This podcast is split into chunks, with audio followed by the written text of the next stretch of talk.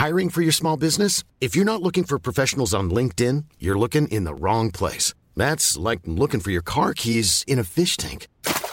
LinkedIn helps you hire professionals you can't find anywhere else, even those who aren't actively searching for a new job but might be open to the perfect role. In a given month, over 70% of LinkedIn users don't even visit other leading job sites. So start looking in the right place. With LinkedIn, you can hire professionals like a professional. Post your free job on linkedin.com slash people today. Millions of people have lost weight with personalized plans from Noom. Like Evan, who can't stand salads and still lost 50 pounds. Salads generally for most people are the easy button, right? For me, that wasn't an option. I never really was a salad guy. That's just not who I am. But Noom worked for me. Get your personalized plan today at Noom.com. Real Noom user compensated to provide their story. In four weeks, the typical Noom user can expect to lose one to two pounds per week. Individual results may vary. Wow. Nice. Yeah. What you're hearing are the sounds of people everywhere putting on Bombas socks, underwear, and t-shirts made from absurdly soft materials that feel like plush clouds. Yeah, that plush. And the best part? For every item you purchase, Bombas donates another to someone facing homelessness. Bombas. Big comfort for everyone. Go to bombas.com slash ACAST and use code ACAST for 20% off your first purchase. That's bombas.com slash ACAST. Code ACAST.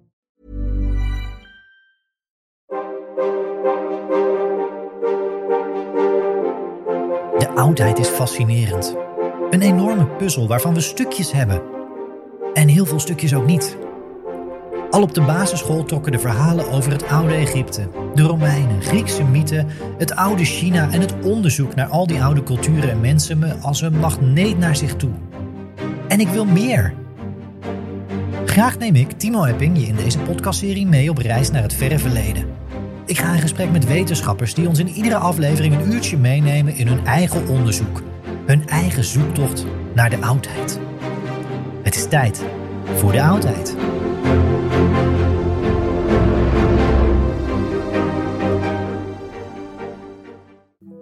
Dit is de tweede aflevering over Plato die ik opnam met Bert van den Berg. In de show notes staat de link naar de eerste aflevering. Bert is universitair docent Griekse en Romeinse filosofie aan de Universiteit Leiden. En recent schreef hij samen met Hugo Koning het boek De Mythe van Plato, verschenen bij uitgeverij Damon. Deze keer verkennen we specifiek de Politeia, ofwel staat. Het is een van de bekendste werken, dialogen van Plato. Het is een belangrijk werk voor de leerlingen die in 2024 eindexamen Grieks doen. Maar het is ook een berucht werk. We duiken de oudheid in. De politieke agenda van Plato. Zijn ideale staat. Plato wordt volwa- of, groeit op in een hele turbulente periode in de Atheense geschiedenis. En Athene was op dat moment een democratie. En dat was een uniek experiment in de antieke wereld. Om allerlei redenen hadden ze in Athene op een gegeven moment bedacht eh, dat elk mannelijke Athener, volwassen mannelijke Athener, politiek evenveel in te brengen had. Het one man, one vote principe. Wij gaan elke één keer in de vier jaar gaan we af en toe eens een keer stemmen voor, voor de Tweede Kamer. En dan laten we ons vertegenwoordigen in Den Haag. In Athene ging dat heel anders. Dan ging je op een gegeven moment met z'n allen ging je bij elkaar zitten in de volksvergadering. En dan kon iedereen het woord voeren. En dan op een gegeven moment was het meeste stemmen tellen. En of je nou uit een aristocratisch milieu kwam, van regenten, zoals in het geval van Plato, zou ik maar zeggen. eh, of eh, een, een boertje van Buten was, dat maakt niet uit. One man, one vote. Daar is veel goeds over te zeggen. Maar je ziet dat veel denkers daar een probleem mee hebben. En een van de problemen daarmee is dat de publieke opinie heel eh, vluchtig is. Wat vandaag een goed idee lijkt, zeker als iemand dat dat retorisch, enigszins retorisch begaafd heeft aangeprezen. Daarvan kunnen we morgen zeggen, ja, maar was dat wel zo'n goed idee? Er zit eigenlijk heel weinig eh, duurzaamheid in, althans in de analyse van Plato. En mensen laten zich vooral door emoties en gevoelens sturen. Als iemand eh, een, een, een heel eh, vlammend betoog tegen iets houdt, dan denkt iedereen ja, hè, dat, hij heeft helemaal gelijk. En, en als daarna iemand een even vlammend betoog voor iets houdt, denk ik ja, la- laten we dat toch maar doen. Dat was overigens in die Peloponnese oorlog ook best tot hele ehm, ja, problematische situaties geleid. Eén voorbeeld is dat op een gegeven moment in de Atheense volksvergadering wordt er gestemd wat er met een eilandje moet gebeuren. Dat zich niet per se wil onderwerpen aan, aan uh, de Atheense hegemonie. En dan in die volksvergadering denken nou, dan, dan, moet, dan moet het maar afgelopen zijn. Hè, er ligt daar een vloot voor dat eiland. Uh, we laten ze gewoon dat hele eiland schoonvegen. Uh, mannen over de kling jagen, vrouwen, kinderen verkopen. En dan de dag later denken ze, ja, dat is toch ook zo wat. Misschien maar niet doen. Dus dan moet er, hè, ze hadden eerst een, een uh, gelukkig onder zich. Hè, tegenwoordig gaat die communicatie zo snel, dan was het probleem geweest. Maar de altijd moesten natuurlijk gewoon een fysiek een bootje naar die vloot toe roeien. En dan de dag later zeggen, ja, toch maar niet. En dan moet er een, een spoedboot achteraan. Dus dat, dat liet wel zien hoe wisselend dat kon zijn. In plaats van, kijk, dat is het probleem. Daar, daar, daarom zijn we ook zo makkelijk, zo hebben we ons in zo'n oorlog gestort. Want daar werd ook gewoon met handopsteking over uh, gestemd. Althans wel natuurlijk implicaties. Als jij zegt, ja, laten we, laten we gaan. Dan kon je daarna naar huis gaan en je, en zwaard ophalen. En, eh, bij wijze van spreken. Uh, dus uh, in plaats van, ja, dat, dat, is, dat, dat is verkeerd. Die democratie is, is te grillig, te wispelturig. En dat is alleen maar e-, emotie en demagogen die dat aansturen. Daar, daar moet eigenlijk een alternatief voor komen. Dan zou je misschien denken, nou dan zegt hij een alternatief is een alternatief die we uit een andere stadstaat in de Griekse wereld kennen. Dus er waren, het was nu, nou dat weet iedereen wel denk ik, maar het was niet één Griekse wereld, maar je had allerlei stadstaten. En al die stadstaten hadden het bestuur weer anders geregeld en dat kon heel erg uiteenlopen. Dan zou je denken, nou hij gaat ergens anders kijken, maar uh, uiteindelijk zegt Plato, ja, de, eigenlijk is er geen politiek systeem dat goed functioneert. En er is eigenlijk maar één oplossing. Dat is dat we eens een keer helemaal from scratch opnieuw een politiek systeem gaan bedenken. En dan zou het toch zo moeten zijn dat de mensen die aan het hoofd staan en die dus alle politieke macht hebben, dus zeker geen democratie, maar de mensen die echt verstand hebben, dat zouden dan experts moeten zijn. Experts die echte kennis hebben. En we hebben al eerder gezien dat voor Plato kennis betekent kennis van die Platoonse ideeën. Dus dat betekent dat de echte bestuurder moet ook een Platoons filosoof zijn. Hè? Dat is dat concept van die koning-filosoof. Oh, zegt Plato wel, het kunnen zo goed koningin-filosofen zijn. want het gaat erom of je filosofisch capabel bent. En er is geen enkele reden om aan te nemen dat vrouwen dat in principe niet zijn. Dus Plato heeft een samenleving die expliciet gericht is tegen dat, die Atheense democratie. Van experts, filosofen, die de macht moeten hebben. In de staat zegt hij dan, ja, wil die filosoof eigenlijk wel de macht hebben? Eigenlijk niet, want die wereld buiten de grot waar je zo lekker naar die ideeën kan kijken, is natuurlijk veel aangenamer dan dat je de, hele tijd al die grotbewoners, hè, want een hele hoop mensen kunnen bij plaatsen toch niet uit die grot komen, maar daar moet wel iets mee, die moeten wel aangestuurd worden. Ja, dat, eigenlijk is dat natuurlijk niet zo leuk dan lekker buiten, uh, buiten blijven, hè, die buitenwereld, in die ideeën wil, maar goed, het moet dan maar voor de goede zaak. Hier een korte onderbreking. De grot en de grotbewoners. In de eerste aflevering met Bert spraken we uitgebreid over de allegorie van de grot. We zitten allemaal geketend aan een muur in een grot te kijken naar schaduwen op de muur van de ware ideeën. En alleen door los te komen uit de ketenen en een moeizame weg af te leggen naar boven, buiten de grot, kun je, even kort door de bocht, de werkelijkheid zien, ware kennis verkrijgen. Die mensen met die kennis, dat zijn filosofen. In dit geval koning of koningin filosofen. Verder nu met Bert. Uh, en dan zegt hij ja, en het kan ook niet zo zijn dat we dan, uh, zoals in de Athene en elders in die Griekse wereld gebruikelijk was, dat iedereen maar een beetje met wapens rondsjouwt. En we moeten een aparte klasse van strijders hebben die absoluut gehoorzaam is voor, uh, naar, naar die koning-filosoof toe.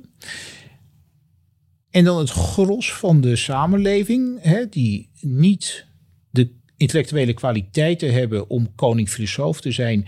En niet de karakterkwaliteiten om strijder te zijn. Want zo'n strijder moet moedig zijn en ook een beetje intelligent. Hè? Anders sta je alleen maar een beetje domweg in te hakken. Nou, dat, dat is nooit zo. Eh, maar een hele hoop mensen hebben die kwaliteiten niet. Dat geeft niet. Eh, die moeten natuurlijk dingen gaan produceren. Sommige mensen moeten boer worden.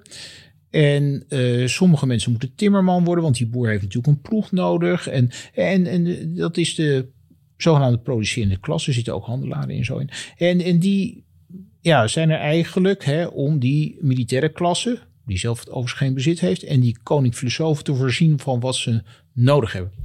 Dus zou je kunnen denken dat klinkt als een soort uitbuiting. Nee, zegt Plato, het is allemaal voor het hogere welzijn van de samenleving. En let wel, bij Plato is het dan wel zo dat die hogere klassen, juist om corruptie te voorkomen, dus die soldaten en hun uh, filosofenkoningen die erboven staan, die mogen geen eigen bezit hebben. Dus Plato is eigenlijk, eh, wat dat betreft zou je kunnen zeggen, de eerste communistische denker. En want als ze eigen bezit zouden hebben, zouden ze uh, ja, uh, corrupt kunnen worden.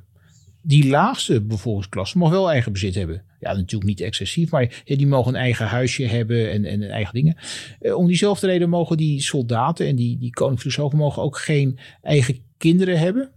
He, dus uh, Plato zegt, kijk, niet iedereen kan met iedereen kinderen maken. Dat moet heel bewust eigenlijk, hij vergelijkt met fokken van dieren. Je moet intelligente mensen hebben. Uh, alleen als die koning-filosoof zelf hun eigen kinderen gaan opvoeden, ja, dan gaan ze hun eigen kinderen voor trekken. Dan krijg je van, uh, wat is, hoe heet dat tegenwoordig, uh, die Nipo-baby's, van dat nepotisme. Hè, dat omdat je papa en mama uh, ergens goed zitten, dat jij ook een duwtje in de rug. Nee, zegt Plato, dan worden mensen die daar intellectueel of qua karakter niet voor geschikt zijn, komen op een plek waar ze niet moeten zijn. Daarvan moet je dan zeggen, het is beter dat jij gezellig bij dat boerengezin verder opgevoed wordt. Terwijl als een boerengezin hè, een heel slimme zoon of dochter heeft, dan je zeggen, nou, de staat ontfermt zich daarover, maar dat wordt een toekomst gewoon filosoof. Dus het is een hier, sterk hiërarchische samenleving, net zoals zijn idee van de werkelijkheid, hè, waar je de idee van het goede aan de top hebt en dan ideeën wilt en dan de zintuigen wil. Nou, zo, zo is dat bij, bij, bij zo, is dat, zo stelt hij zich ook de maatschappij voor. Um, ja, waar dus eigenlijk iedereen wel zijn offertjes moet brengen. En uh, waar het, en wat duidelijk het tegendeel is van een democratie. Ja.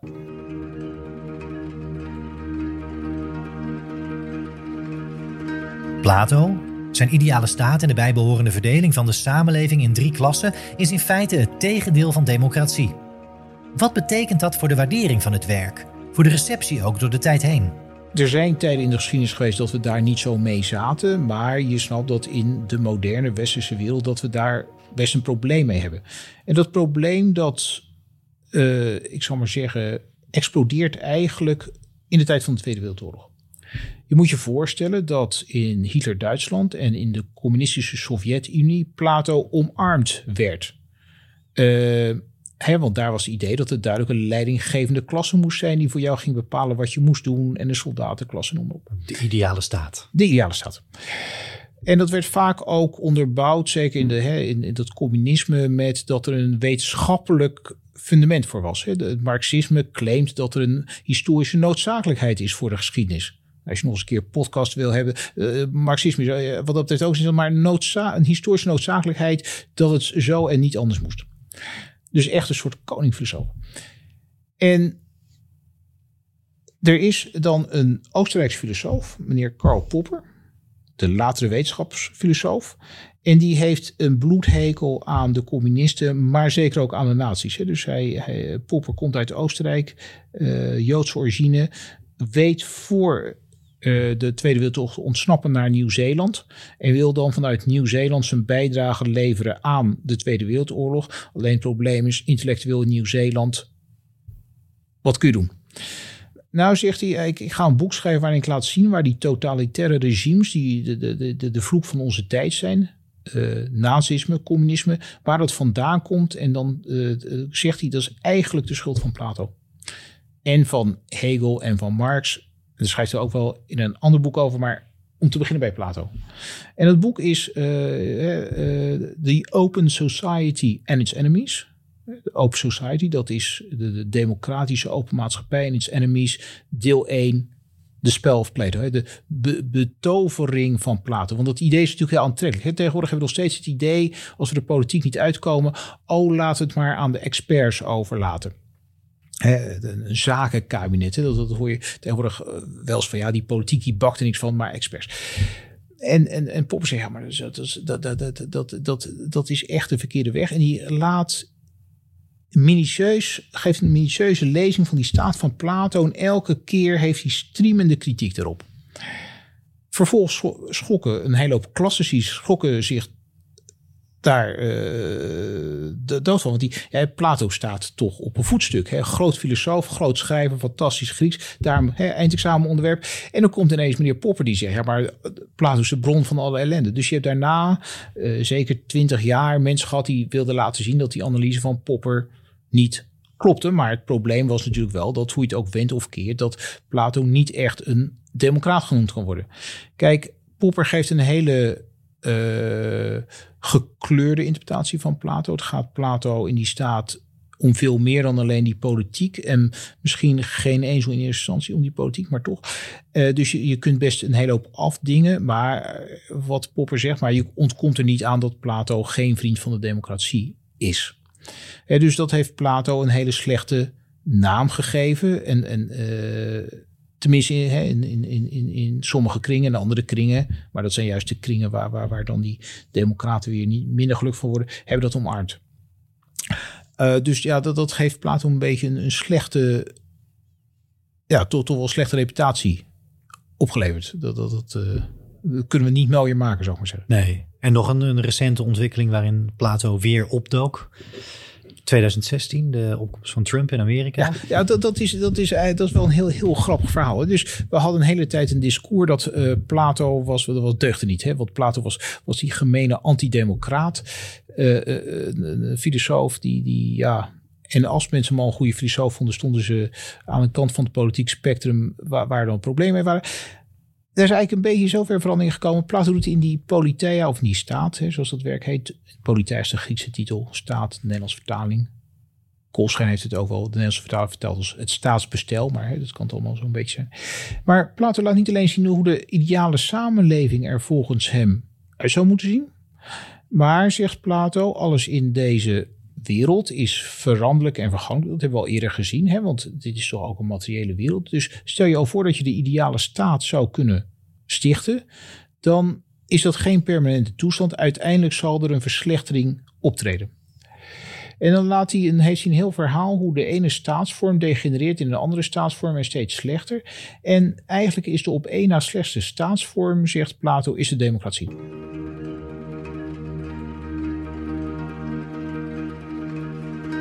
Hier pauzeren we even. De op één na slechtste staatsvorm volgens Plato is de democratie. Plato onderscheidt in zijn werk vijf staatsvormen, waarbij in zijn ogen de ideale staat een aristocratie is, daar waar de beste het bestuur in handen hebben. Op de tweede plaats staat de timocratie, militairen aan de macht, gevolgd door de oligarchie, waar de rijken het voor het zeggen hebben. Onderaan staat tirannie, waar een tiran dus heerst. Op de vierde plaats staat de democratie. En die staatsvorm zal volgens Plato uiteindelijk leiden tot tirannie. Plato is er dus niet bepaald positief over. En waarom is dat? Nou, iedereen heeft een mening en toetert maar wat rond en is gevoelig voor demagogen. En dan zegt Plato, uiteindelijk zal er een demagoog opstaan die uh, de zaak zodanig weet te masseren dat hij alle macht naar zich toetrekt en daarmee ook de democratie opblaast. Het is zo, zo iemand die het bestel eigenlijk opblaast door mensen van alles en nog wat te beloven. Hè, stem op mij en hè, dat, dat, dan, dan uh, zorg ik dat, dat, dat je alles krijgt wat je, wat je wil. Ik zal maar zeggen, uh, make Athens great again of make America great again. Um, en, en dan uiteindelijk betekent dat dat die persoon alle financiële middelen naar zich toetrekt, een, een volslagen corrupt en, en, en onbetrouwbaar regime vestigt. En wat je zag, het, toen Trump gekozen werd, was dat voor veel commentatoren en analytici was dat toch een enorme verrassing. Eh, want dat hadden ze toch niet echt zien aankomen. Uh, en, en die, die ze natuurlijk op de universiteit allemaal Plato gelezen. Ja, aha, nu, nu nog eens een keer over nadenken. Plato zegt het al. Nou, je moet denk ik altijd heel erg oppassen met Plato zegt het al, want Plato zegt zoveel. En je kunt altijd wel een passage vinden. Dus wat je daar nou precies mee moet, is, is dan weer vers 2. Maar je ziet wel dat hè, als je een beetje gaat googlen, dat de tijden van Trump komt in iedereen ineens, hij, hij herinnert zich ineens weer wat hij in de, in, in, in de staat van Plato gelezen Zie, zie je wel, het, het staat al bij, bij Plato. Nogmaals, ik denk dat je heel erg moet oppassen om een soort Nostradamus van een, een filosoof te maken. Het doet ook geen goed, of geen recht, denk ik, aan een element wat Popper niet heeft zien, willen zien. En wat veel van dit soort mensen ook niet willen zien, is dat er bij Plato toch altijd iets aftastends in zit. Uh, Plato is eigenlijk veel minder uh, uitgesproken dan dat je zou kunnen denken als je handboekjes leest of misschien zelfs naar dit gesprek luistert. Eh, bij, bij Plato, om te beginnen, Plato is zelf nooit in die dialogen. Er staat nergens ik, Plato, vind dat. Er zijn altijd gesprekspartners die in een dialoog zijn en dan van sommige ideeën, zeker als ze door Socrates gepoest worden in zo'n dialoog, denk je nou, dat zal Plato ook wel vinden. Maar het is nooit helemaal zeker. En er is toch altijd ruimte voor dialoog en twijfel. En ik vind dat eigenlijk persoonlijk ook een van de interessante aspecten aan Plato, die, hij schreef dialogen. En hij heeft weliswaar, denk je dan het idee welke kant het eigenlijk op zou moeten. Maar als we het hebben over de filosofie van Plato, staat nergens ik Plato vind dat er een ideeënleer is. Dat, het, wordt als, het wordt naar voren gebracht, het wordt verdedigd door andere figuren dan Plato zelf, want die treedt niet op in zijn eigen dialogen. En wat dat betreft is er altijd een soort ruimte tussen Plato en zijn filosofisch werk. En ik denk dat een van de redenen dat hij die dialoogstructuur gebruikt is, als je dat zit te lezen, denk je ja, maar hij zegt dat, de karakter A zegt dat, maar heeft hij dan gelijk? En dan zegt karakter B inderdaad, ja, je hebt geen gelijk, want. En als lezer ben je eigenlijk continu in een soort zwijgende dialoog. Ook doe je mee met die tekst. En ik denk dat dat voor Plato, hè, dat Plato wat dat betreft veel minder stellig was dan bijvoorbeeld Popper wil. Hij wil dat je meedenkt waarschijnlijk wel in de overtuiging dat de, de truth is out there. Ehm, eh, de, de, waarheid is daar ergens. En op een gegeven moment zou je die wel voor jezelf kunnen vinden. Maar je moet hem wel zelf vinden. Hè? En ehm, we hadden het. En ja, over die, ik denk dat dat de, de reden is van die dialoogvorm. En ook dat Plato zelf niet in zijn dialoog, dialoog opduikt. Je hebt twee keer dat Plato genoemd wordt in zijn hele werk. In de apologie als Socrates zichzelf moet verdedigen, zegt hij: Nou, er zijn rijke vrienden van mij. die zouden best een boete voor mij willen ophoesten. En dan noemt hij een rijtje mensen. En daar staat de naam van Plato dan ook in. Maar en in de Vedo, dat is de dialoog waar Socrates de gifbeker drinkt. Iemand vertelt dat verhaal van de laatste dag van Socrates aan iemand anders. En dan zegt die persoon aan wie dat verhaal vertelt: Ja, maar waar was die Plato? En zegt degene die het verhaal vertelt: Ja, Plato was ziek, denk ik. En het is Plato zelf die dat schrijft. Maar is uh, curieuze. Waar was Plato was ziek, denk ik. Hij werd geweest, zeker. Uh, dus Plato is, is eigenlijk evident afwezig in zijn eigen werk. En ik denk dat het is om ruimte te geven aan de lezer om zelf vooral na te denken. Dat is een mooie alles overstijgende vraag ook eigenlijk dan. Waar is of was Plato? Uh, ja, die kunnen we meenemen wellicht. Voor nu, laten we concluderend naar het einde toe van deze aflevering heel kort nog de gedachte vanuit jouw perspectief, vanuit jouw vakgebied. Wat kunnen of wat moeten we nou vandaag de dag in ons eigen leven met Plato? Wat moeten we kunnen? Ja, het, hangt vanaf wat je eruit wil halen natuurlijk. Uh, zoals ik al zei, nou, ik denk dat een van de grote verdiensten van Plato is de uitdaging tot zelf nadenken. En dat die, nogmaals, dat je die dialoogvorm serieus neemt. En, en wat dat betreft een te grote mate van stelligheid uh, vermijdt. Dat je, hè, als je iets zegt, kan iemand anders altijd iets anders zeggen. Uh, en, en wat dat betreft niet snel tevreden zijn met je eigen gelijk. Ik denk dat het e-, echt een van de grote intellectuele lessen van Plato is. Je ziet voor hem al die filosofen die, die poneren wat. Uh, en, die, die, hè, en, en ook naam, als je Aristoteles leest, dan denk je nou, iedereen zat te slapen. En toen was Aristoteles, toen ging het licht aan. Uh, bij Plato werkt dat, werkt dat anders. Dus die uh, dialoog, ik, ik, denk dat, dat een belangrijk aspect is. Wat ik zelf toch, daar hebben we eigenlijk nauwelijks aan geraakt, maar Plato heeft wel, en dat is uh, zicht of een idee dat eigenlijk onze persoonlijkheid gecompliceerd is. Als je de Phaedrus leest, is een van die teksten die het, uh, pensum, het eindexamen pensum naar voren komt, daar wordt de ziel vergeleken met een wagenmenner die twee paarden moet aansturen.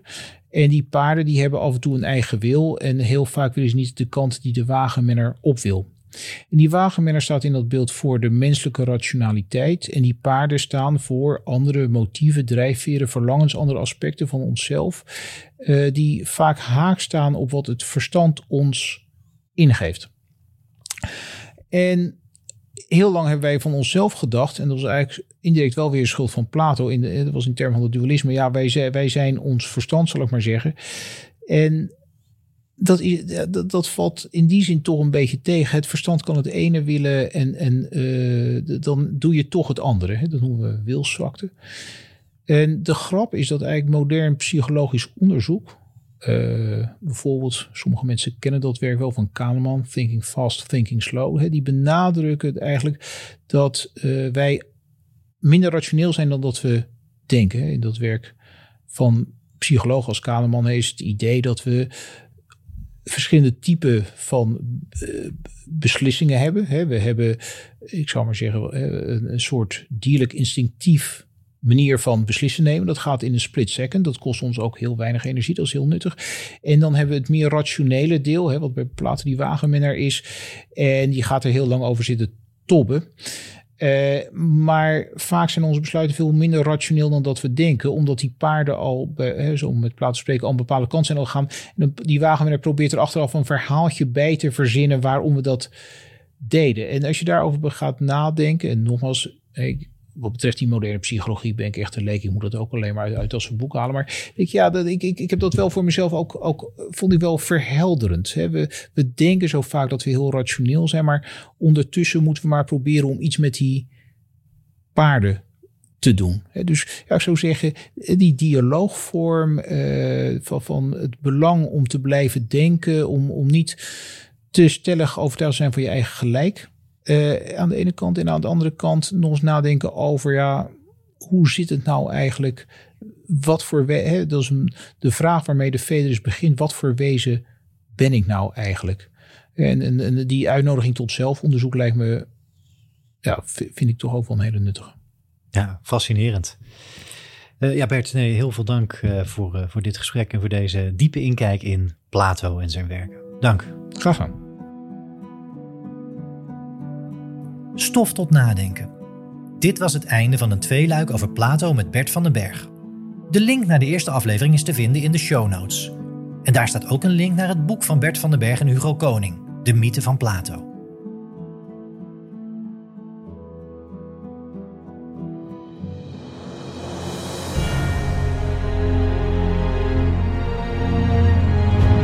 Dank je voor het luisteren naar De Oudheid, de podcast over het verre verleden.